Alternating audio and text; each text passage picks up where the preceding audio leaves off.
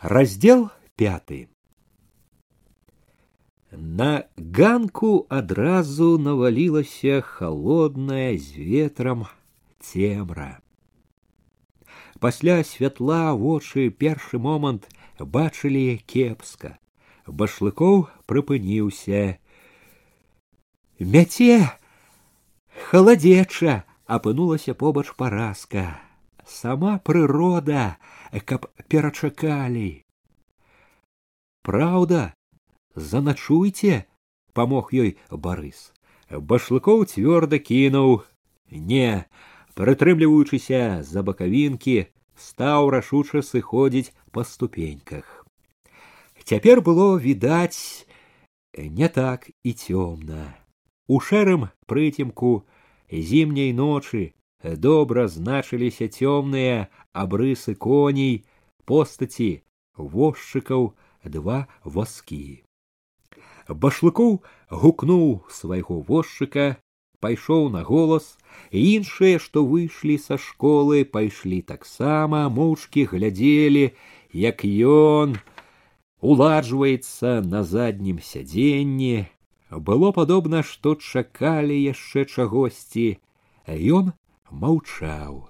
Вошчык азірнуўся, шмаргануў лейцамі, і ўсе, хто быў побач, дарожка, казачэнка, гайліс, глушак, імкліва пайшлі назад, зніклі ў цемры.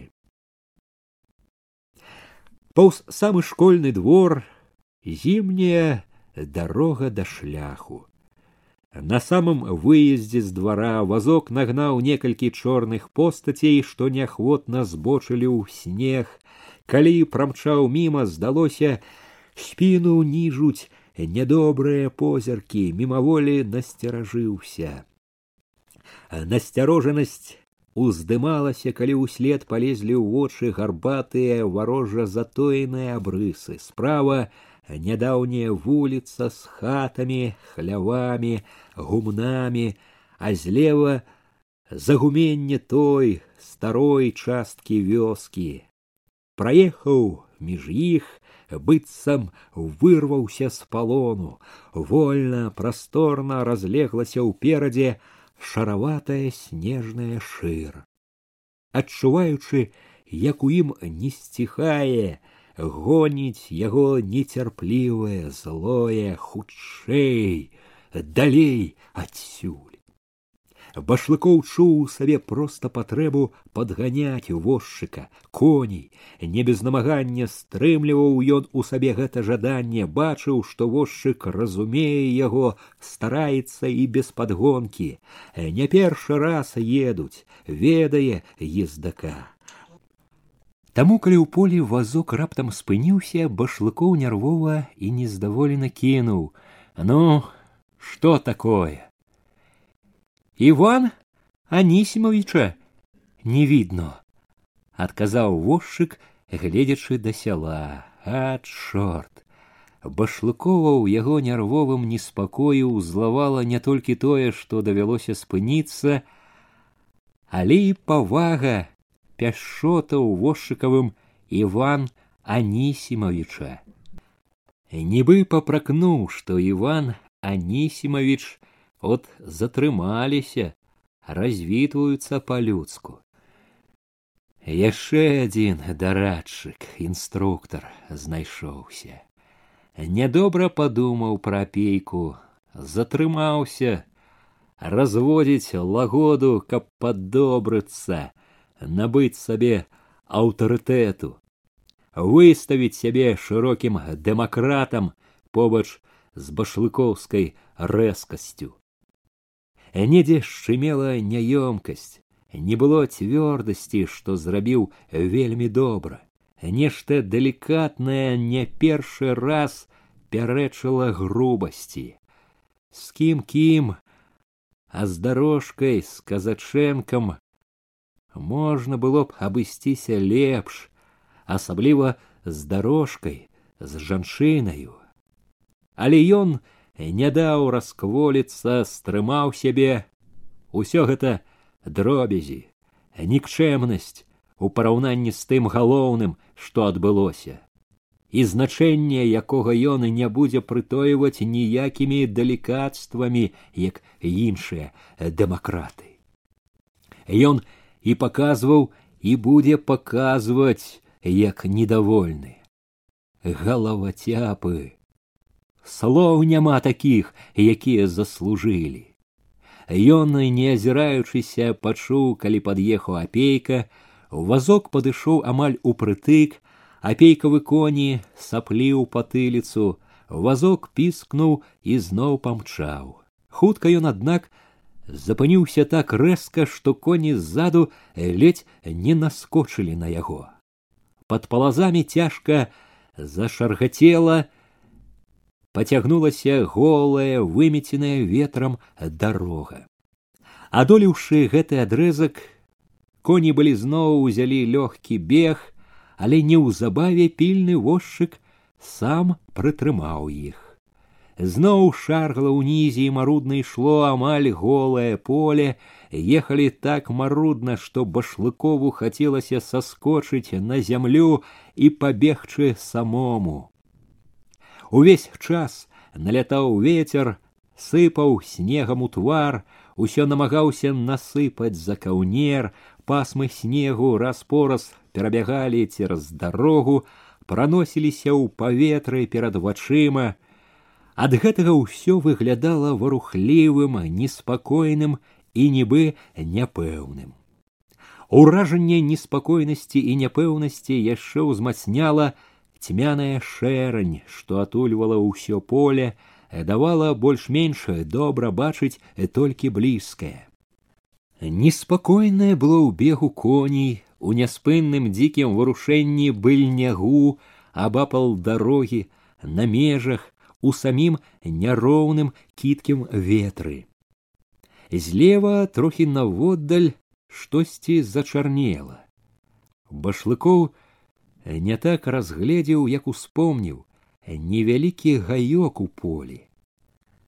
Калі цёмная пляма трохі наблізілася і стала няпэўна акрэслівацца башлыкоў раптам праз варушэнне снегу заўважыў там под покрывам цемры дзіўныя постаці ён прыгледзеўся і разважлівае сумненне пацішэла тое што ён хацеў бы лічыць прывідамі жыло варушылася рыхтавалася адчуваючы як халадзее спіна ён нервовым рухам полез у кішэню сціснуў цёплую цвёрдую рукаятку нагана рашуча пералажыў наган за пазуху паліто павярнуўся назад крыкнуць апейку папярэдзіць але вазок нібы знарок плёўся далёка не паслухаўся не застаўся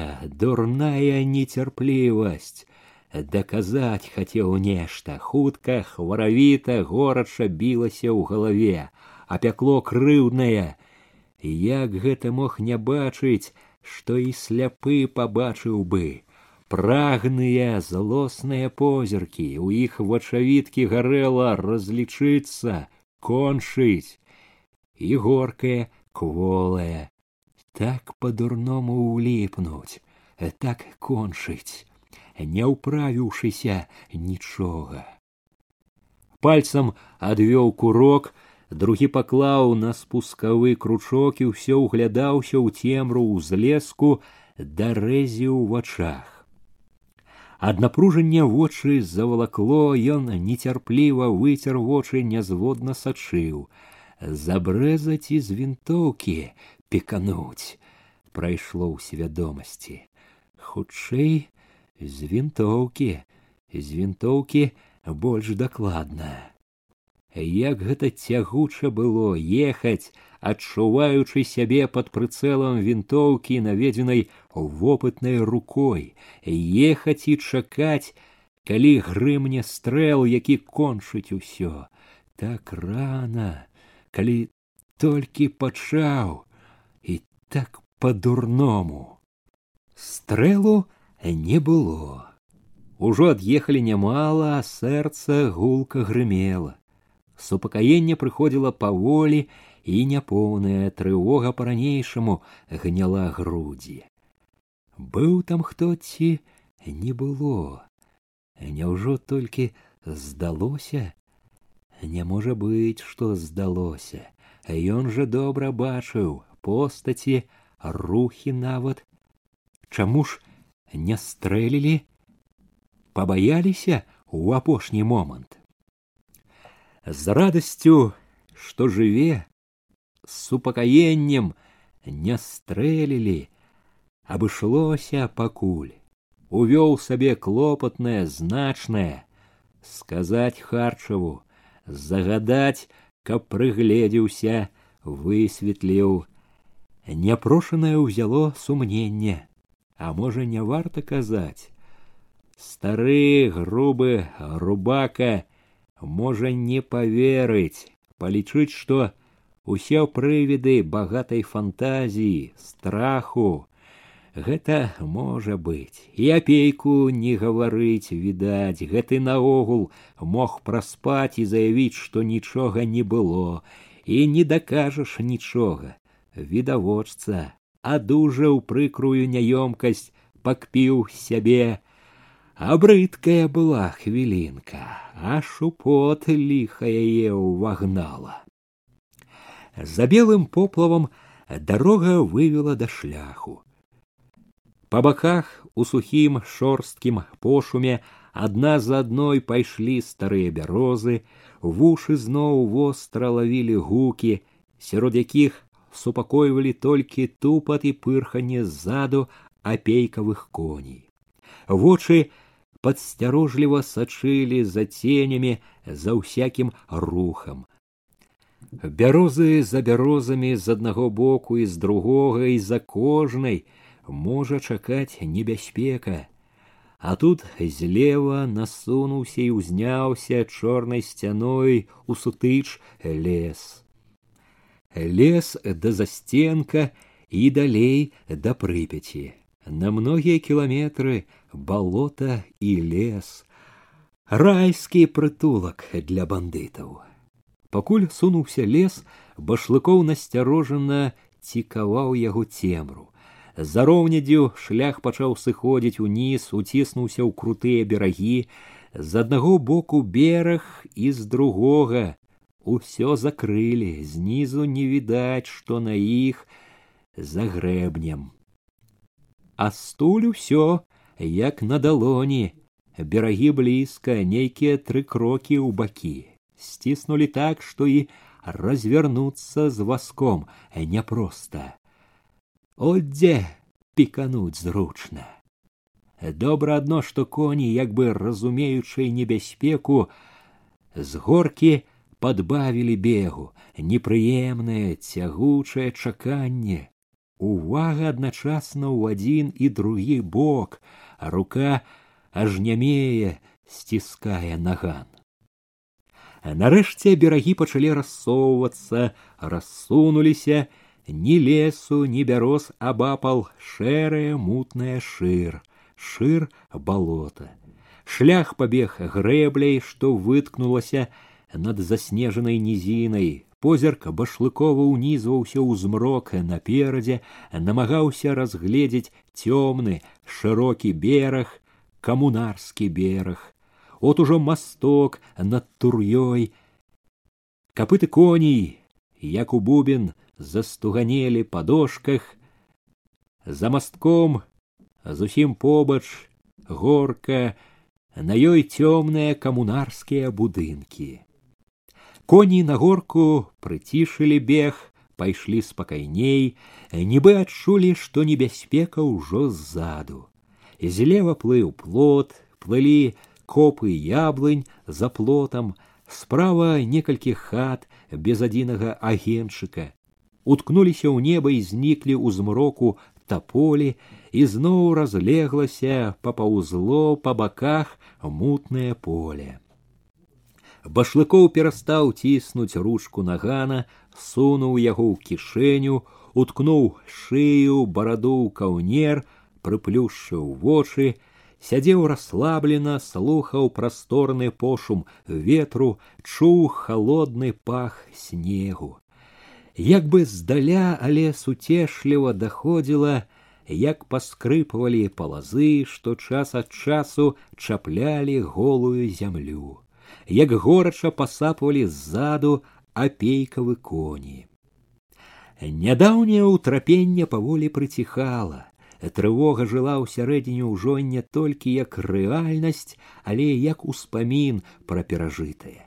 Успамін гэты вярэдзіў непрыемна. Цяпер, калі ўсё цверазеў, няёмка было адчуваць, што так гарачыўся, нерваваўся, нават нібы спалохаўся, не, не спалохаўся. Няма чаго кляпаць на сябе. Проста быў на пагатове як трэба глядзеў адкрыта ў вочы праўдзе гатовы быў адказаць у любы момант і адказаў бы як належыць усё ж непрыемна вярэдзіла яго не круці спакою вытрымкі належнай не было хваравіта трымаўся сэрца хапалася як у новабранца хлапчук ледзь не прызваў на дапамогу апейку. Зноў узяло ранейшае. Было там у кустах, што ці не было. Праўдзівы перад сабой ён адчуваў цяпер, што вельмі магло стацца, не было нічога, здалося, прычаўплося ад неспакою, багатай фантазіі. Ён вылаяўся у голас чорт дайшоў папракнуў праклятыя нервы непрыемнае ўзрушэнне што не хацела адыходзіць увяло іншае у памяці ажыло духата густы едкі дым папярос цяжкі дух поту аўчын і свіст темные с неспокойными тенями обличчы, потные, неподатные, злостно ашчэраныя раты, няма такога права, ето не по закону. За гэтым прыйшло дзённае, як хадзіў па пустым калгасным двары, сіратлівая пустэча канюшні свірна, сумная адзінокасць паржавелай жняяркі, як хадзіў з чарнаштанам з гайлісам па дварах уцікачоў спрабаваў кожнага ўгаварыць адумацца вярнуцца. Згадаў як ледзь не кожны заўважыўшы яго на двары насцярожваўся спрабаваў схавацца. Жонкі злыя іх вочы і злыя варожыя крыкі. Чым больш хадзіў тым больш адчуваў марна гэта і цяпер запякло адчуванне глухаты іх варожасці нават нянавісці і разам сваёй слабасці сваёй прыніжанасці брыдкае адчуванне ніколі здаецца не было такога Ён успомніў, што тая ж глухата і варожасць сталі перад ім, калі загаварыў на сходзе. Успамін пра гэта асабліва усхваляваў, бо тут ён выйшаў, вытраціўшыся за дзень, звярэдзіўшы ўсяго сябе, бо тут высільваўся надмеру, аддаваў рэшткі сябе. Дзіўна хоць перабіраючы тое, што казаў, не бачыў памылкі яго ўсё ж гняло нездавальненне сабой нібы ўсё таки казаў не тое што трэба і не так як трэба. Можа гэта было ад таго што не пераканаў жа не змяніў нічога. З прыкрасцю думаў што не вытрываў пад канец загарачыўся і яшчэ больш сапсаваў усё. За гэтым пачаў перабіраць паводзіны выступленні іншых прамоўцаў. Ад дубадзела нельга было чакаць большага стараўся колькі хапіла а вось гайлісу можна было б лепш выступіць гаварыў нібы хацеў адбыць і дорожка далікацтва нейкая развяла але найбольш цікавае ўсё ж слова старшыні выканкома байка пра нейкага івана просто анекдатычны ўзорчык сярмяжнай філасофіі Падробкі пад мужычка а фактычна ўзор апалітычнасці апартунізму якіх далей просто такі нельга ўжо дараваць якія ўжо чорт ведае куды вядуць. Ён успомніў, што апейка з самага пачатку не таіў, што не верыць у поспех гэтага сходу, і хоць цяпер непрыемны вопыт быццам бы паказваў, што ў яго была рацыя, башлыкову не хацелася згаджацца. Усё-ткі сход трэба было зрабіць, як гэта не непрыемна, трэба было, трэба было выпрабаваць усе сродкі высветліць усё до конца. Цяпер сумленне чыстае можа быць, усё, што маглі, зрабілі. А што не ўдалося змяніць, ні іх, ні яго башлыкова віна. Нічога нельга было зрабіць. Цяпер відно, як на далоні сплялося варожае кубло усё заражанае паганым кулацкім адушком, нават бядняцкая частка заражана. Эці запалохана кулачком. Вылезлі ў адкрытую, прыйшла як ясны вынік думка. Скінулі маску, вайна ў адкрытую, што ж, тым лепш, ударам на удар, трайным ударам на паганы удар ад злосці, што ўздымаецца, у ім мацнее адчуванне сілы, упэўненасць у сабе у сваёй уладзе, трайным ударам. Ён не ўдакладняе, як гэта будзе трайным ударам, думаць цяжка, даўно ўжо чуе ўсё мацней навальваецца, абцяжарвае ўсяго змора, але ён ведае, гэта будзе трайным ударам. Думаць глыбей яму замінае не толькі стома. Ён знарок стрымлівае сябе, смутна адчувае са злосцю грозіцца ўпаўсці большы неспакой, бяда, катастрофа. Адганяе думкі пра гэта, трымаецца за ранейшае трайным ударам. Знарок прыслухоўваецца да сваёй стомы. Ах, як ён змарыўся, Хутчэй бы дапасці дадому кінуцца на ложак ці хоць на падлогу, не распранаючыся нават перадыхнуць трохі ад усяго. Яшчэ ён чуе, як унізваецца сцінае ўсяго мароз. Ён мерзне ўсё мацней, але трывае, не варушыцца. Зіма бярэцца, бярэцца, думае ён дзіўна усцешана. Калі спусціліся ўніз, у цішыню юравіцкай вуліцы возчык павярнуўся да яго. Куды весці? Башлыкоў апусціў каўнер, трасянуў плячыма у райком. Намерзлыя губы варухнуліся непаслухмяна, выйшла нейкая вайком. Возчык мог бы і не пытацца, кожны раз вяртаючыся ехалі найперш у райком. Можа, пакуль ездзіў, адбылося што-небудзь важнае, трэба неадкладна даць распараджэнні, Ды і наогул даведацца пра становішча, быць у курсе апошніх падзей, ведаць усё. Пасада такая, і час такі, што трэба ўвесь час быць напагатове. З акна райкома прывітаў жоўты агеншык, ураз адкідаючы з дранцвення, што сцінала ўсяго, башлыкоў ахвоча выскачыў з васка. Левая нага ледзь не падагнулася, ён прытрымаўся, адужаў млявасць у ёй, яшчэ накульгваючы, падаўся на райкомаўскі двор, узышоў на ганак.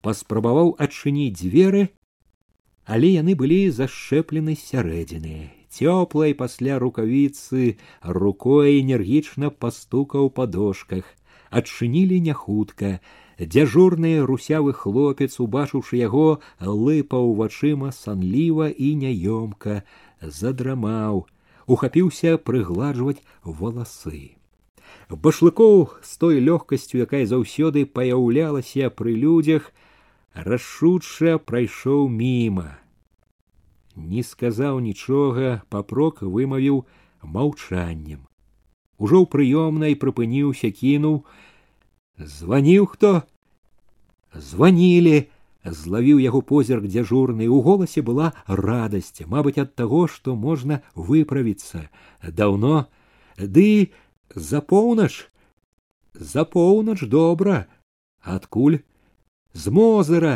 з округа таварыш галубович казаў што казаў запытаў дзе вы дзе таварыш башлыкоў я сказаў на раёне калектывізацыю праводзіць не пытаў нічога пытаў як справы. Я сказаў ідуць тады ён попрасіў прачытаць зводку я прачытаў міша мне пакінуў больш нічога не казаў сказаў дзякую усяго добрага башлыкоў адамкнуў дзверы ў кабінет у потемку знайшоў у кутку вешалку павесіў паліто падаўся да стала дзе павінна была стаяць лямпа чыркнуў запалкаю падняў пад зялёным абажурам шкло запаліў падгарэлы беражок кнота зялёны абажур на лямпе адзначыўся раздражненнем чорт не забраў гэтае мяшчанства Раздражненне было на памочніка які недзе выкапаў дурны гэты абажур і не выканаў загаду зняць.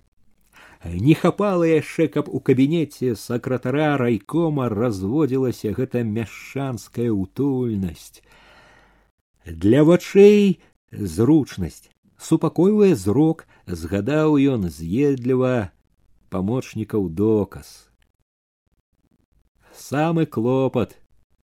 Супакойваць зрок калі трэба толькі глядзець ды глядзець. Не першы раз затурбавала дзе ён дастаў гэта ці не ў нэпмана якога. Канешне ж не ў бедняка. Падумаў строга трэба прыгледзецца лепш узяцца як належыць за памочніка часу ўсё не знойдзеш. Круціся як чорт. Ды хлопец спраўны ж толковы зняў абажур сунуў у куток под вешалку. Заўтра ж загадаць каб і знаку непманскага гэтага блуду тут не было. На стале на заўсёдным месцы бялеў лісток. Зводка за суткі башлыкоў зайшоўшы за стол звыкла працягнуў да яго руку і раптам важка спыніў зводка устарэла паламалася зводка стрымліваючы непрыемнае пачуццё што адразу ажыло ўзяў два канверты якія ляжалі побач з водкі на першым ён адразу пазнаў почырк нінкі сястры ліст з дому почырк на другім быў таксама знаёмы пісаў гомельскі прыяцель лёня мандрыка аб гэтым сведчыў і подпіс унізе канверта некалькі літар з адмысловымі кручкамі подпіс годны як смяяўся лёня таго каб падпісваць грошы пісьмо было напісана пачсціва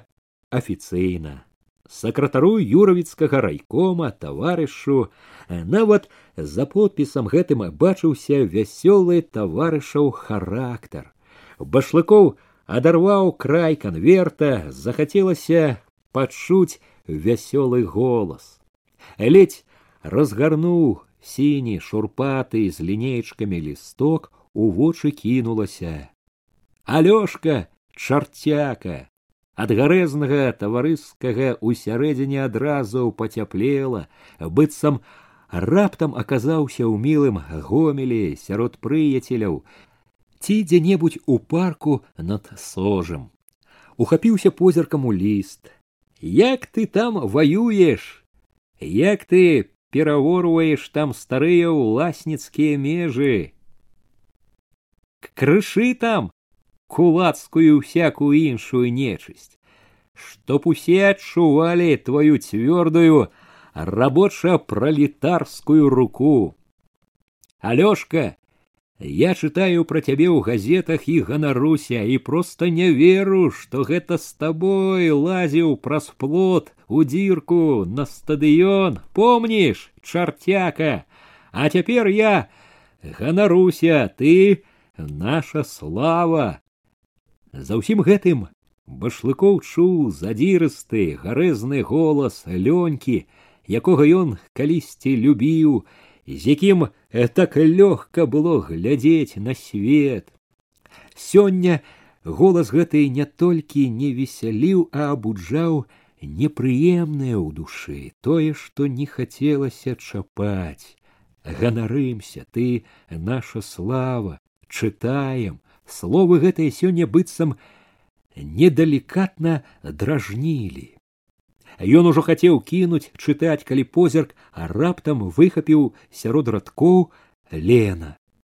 Чуючы, як часта стала біцца сэрца, ён пайшоў па радках, зайздрошчу і ганаруся між іншым не толькі я. Я зараз табе напишу такое, што ты заікам станеш. Падрыхтуйся, чарцяка і трымайся, не падай на падлогу, бачыў я тут на днях каго б ты думаешь век не отгадаешь лену иду по савецкай і просто твару твар я ж вачам не поверыў як бы праз туман праз гарачы звон пранізвалася лена ў гомелі прыехала ад мужа не вельмі шчаслівая, мякка кажучы, хоць і выгляду не падае. Доўга аж сцінала ёй дыханне распытвала пра яго, пра алёшку, сказала, што ён далёка пойдзе і што яна рада за яго, а пра сябе расказваць не стала. Нічога асаблівага жыву і ўсё. Кожнае слово адгукалася звонам, біла, а апошняе мацней за ўсё праз дзень сказала поедзе назад, не весела сказала. Разумееш ты, чарцяка, што робіцца на свеце, пытаўся недарэчы весела лёня. За гэтым лёня пісаў пра гомельскія навіны, пра тое, якая гэта неспакойная і вясёлая служба, яго клуб.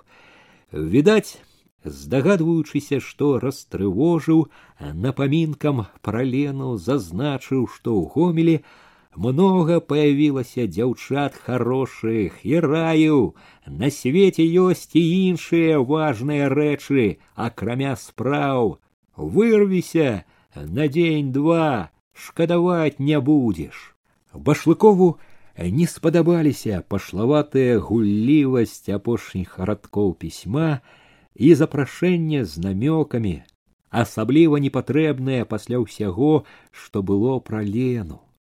Але гэта адзначылася мімаходзь у душы ва ўсёй істоце было адно лена. Ці ад таго, што ён быў стомлены, ці ад таго, што такая навіна абрынулась так неспадзявана, башлыкоў дзіўна не мог думаць, жыў толькі гарачым і важкім адчуваннем. Лена была ў гомелі нешчаслівая, любіць, любіць усё ж. Лена, Лена, Лена звенела на розныя галасы. Ён з намаганнем зварухнуўся, узяў пісьмо ад ніны, Кожны раз, калі ён браў пісьмо з дому ці проста думаў пра дом, пра родных, яго нязменна апаноўваў складаны свет. Вярталася галоднае у знясільнай працай маленства, цёмны сыры барак у залінейным раёне, уваходзіла ў пакой, станавілася побач веку турботе, у страху пра хлеб, пра дзяцей маці. Пяшчотная і няшчасная на ўсё жыццё сястрычка Ніна, здаровы пешчаны маткаю барыс. Ажывала ў памяці даўняя крыўда, непрыхільнасць.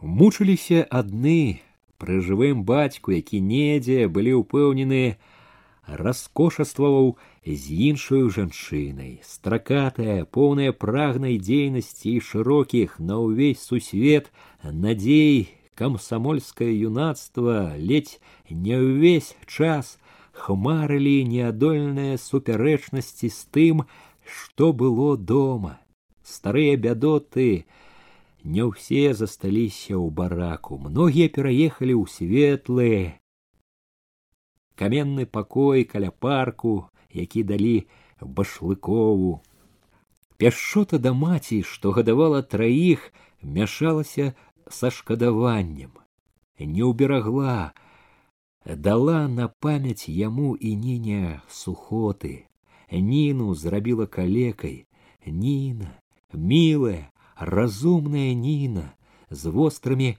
плячыма, з няшчасцем горбам. У супярэчлівы свет памяці заўсёды ўнізвалася, турбавала адчуванне віны, памагае мала.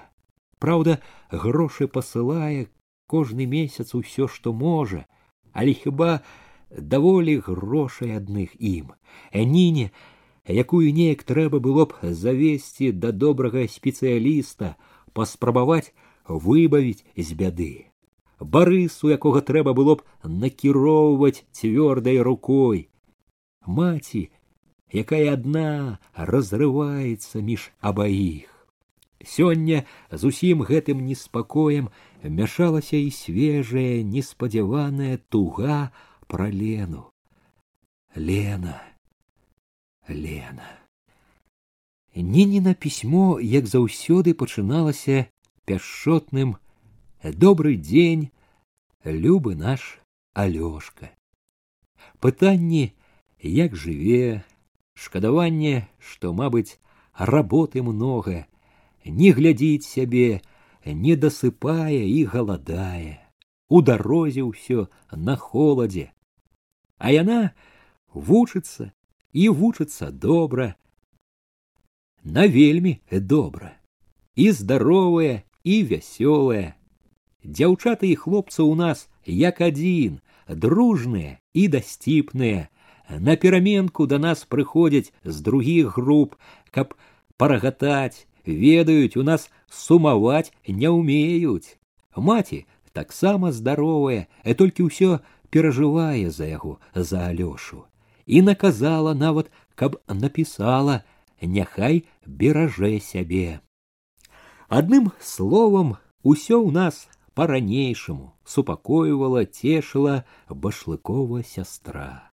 Здаецца, сёння яна лішне ўжо старалася супакоіць яго, і ў башлыкова ў стоме з'явілася прачуванне, што ў іх там нешта здарылася. І праўда, за гэтым ішло асцярожнае. Э, толькі з барысам важныя навіны. Барысік наш, здаецца, сур'ёзна сабраўся стаць дарослым, прыбіцца нарэшце да берага і пачаць сталае жыццё. Пра тое, як гэта сур'ёзна можна меркаваць ужо з таго, што ён цяпер усе дні ля адной прыстані прыстань гэта ліза шэпель. Усе дні усюды разам просто галубкі. Увесь вольны час у яе пакоі мяркуючы па ўсім у іх далёка зайшло ходзяць чуткі што можа быць нейкі нашчадак так што ў нас алёшка новы сваяк таварыш шэпель Як не быў знябыты, перапоўнены ранейшымі падзеямі башлыкоў некалькі хвілін не знаходзіў месца ад хвалявання. Устаў, закурыў, зацягнуўся, аж зайшоўся кашлем, нецярпліва раззлавана захадзіў па пакоі. Сваяк таварыш шепель, таварыш шепель, пан шепель, гаспадар некалі багатай аптэкі і моднага парфумнага магазина, Непман, гандляр, вядомы ўсяму гораду. Усяго, здаецца, можна было чакаць ад гэтага балбеса ад барыса, а такога не чакаў.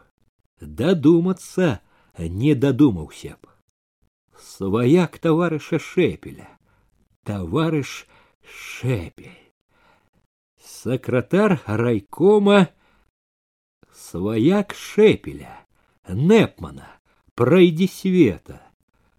З глузду ён з'ехаў ці што, дурань гэты.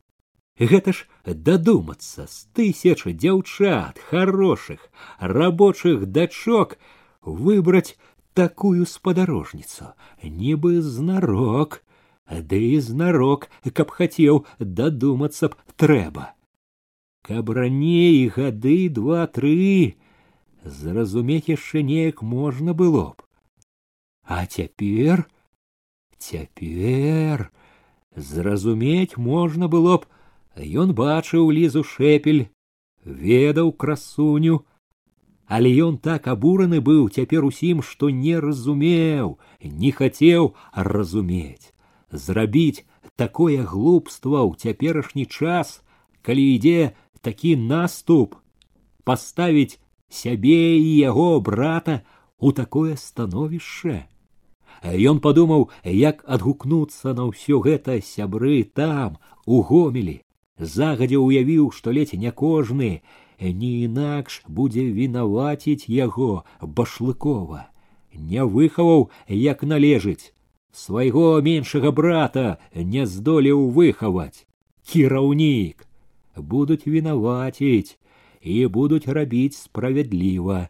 Не выхаваў, не змог прыйшло ў галаву цяпер кожны раз расказваючы пра сябе ён павінен будзе паведамляць пра гэта тлумачыць у анкетах у аўтабіяграфіях упісваць у сваё жыццё якое ён хацеў жыць чыстым і быў чыстым дасюль усё так блыталася што яго раптам узяў адчай Чорт ведае, што за ноч. Злыя твары на сходзе, поўны правал у глінішчах, непатрэбная балючая вестка пра лену і напаследак гэтая сваяк пана шэпеля усё разам сышлося адусюль не было ўжо сілы ні думаць не трываць гэта ён раптам перастаў мераць кабінет кінуў недакурак прыдушыў аб прыбор рашуча абарваў думанне хопіць на сёння дастаў з шафы падшыўку газеты згарнуў на канапе под галаву узяў з вешалкі паліто шапку рушыў да стола крутнуў колца кнота, дзьмухнуў у лямпу, падаўся да канапы.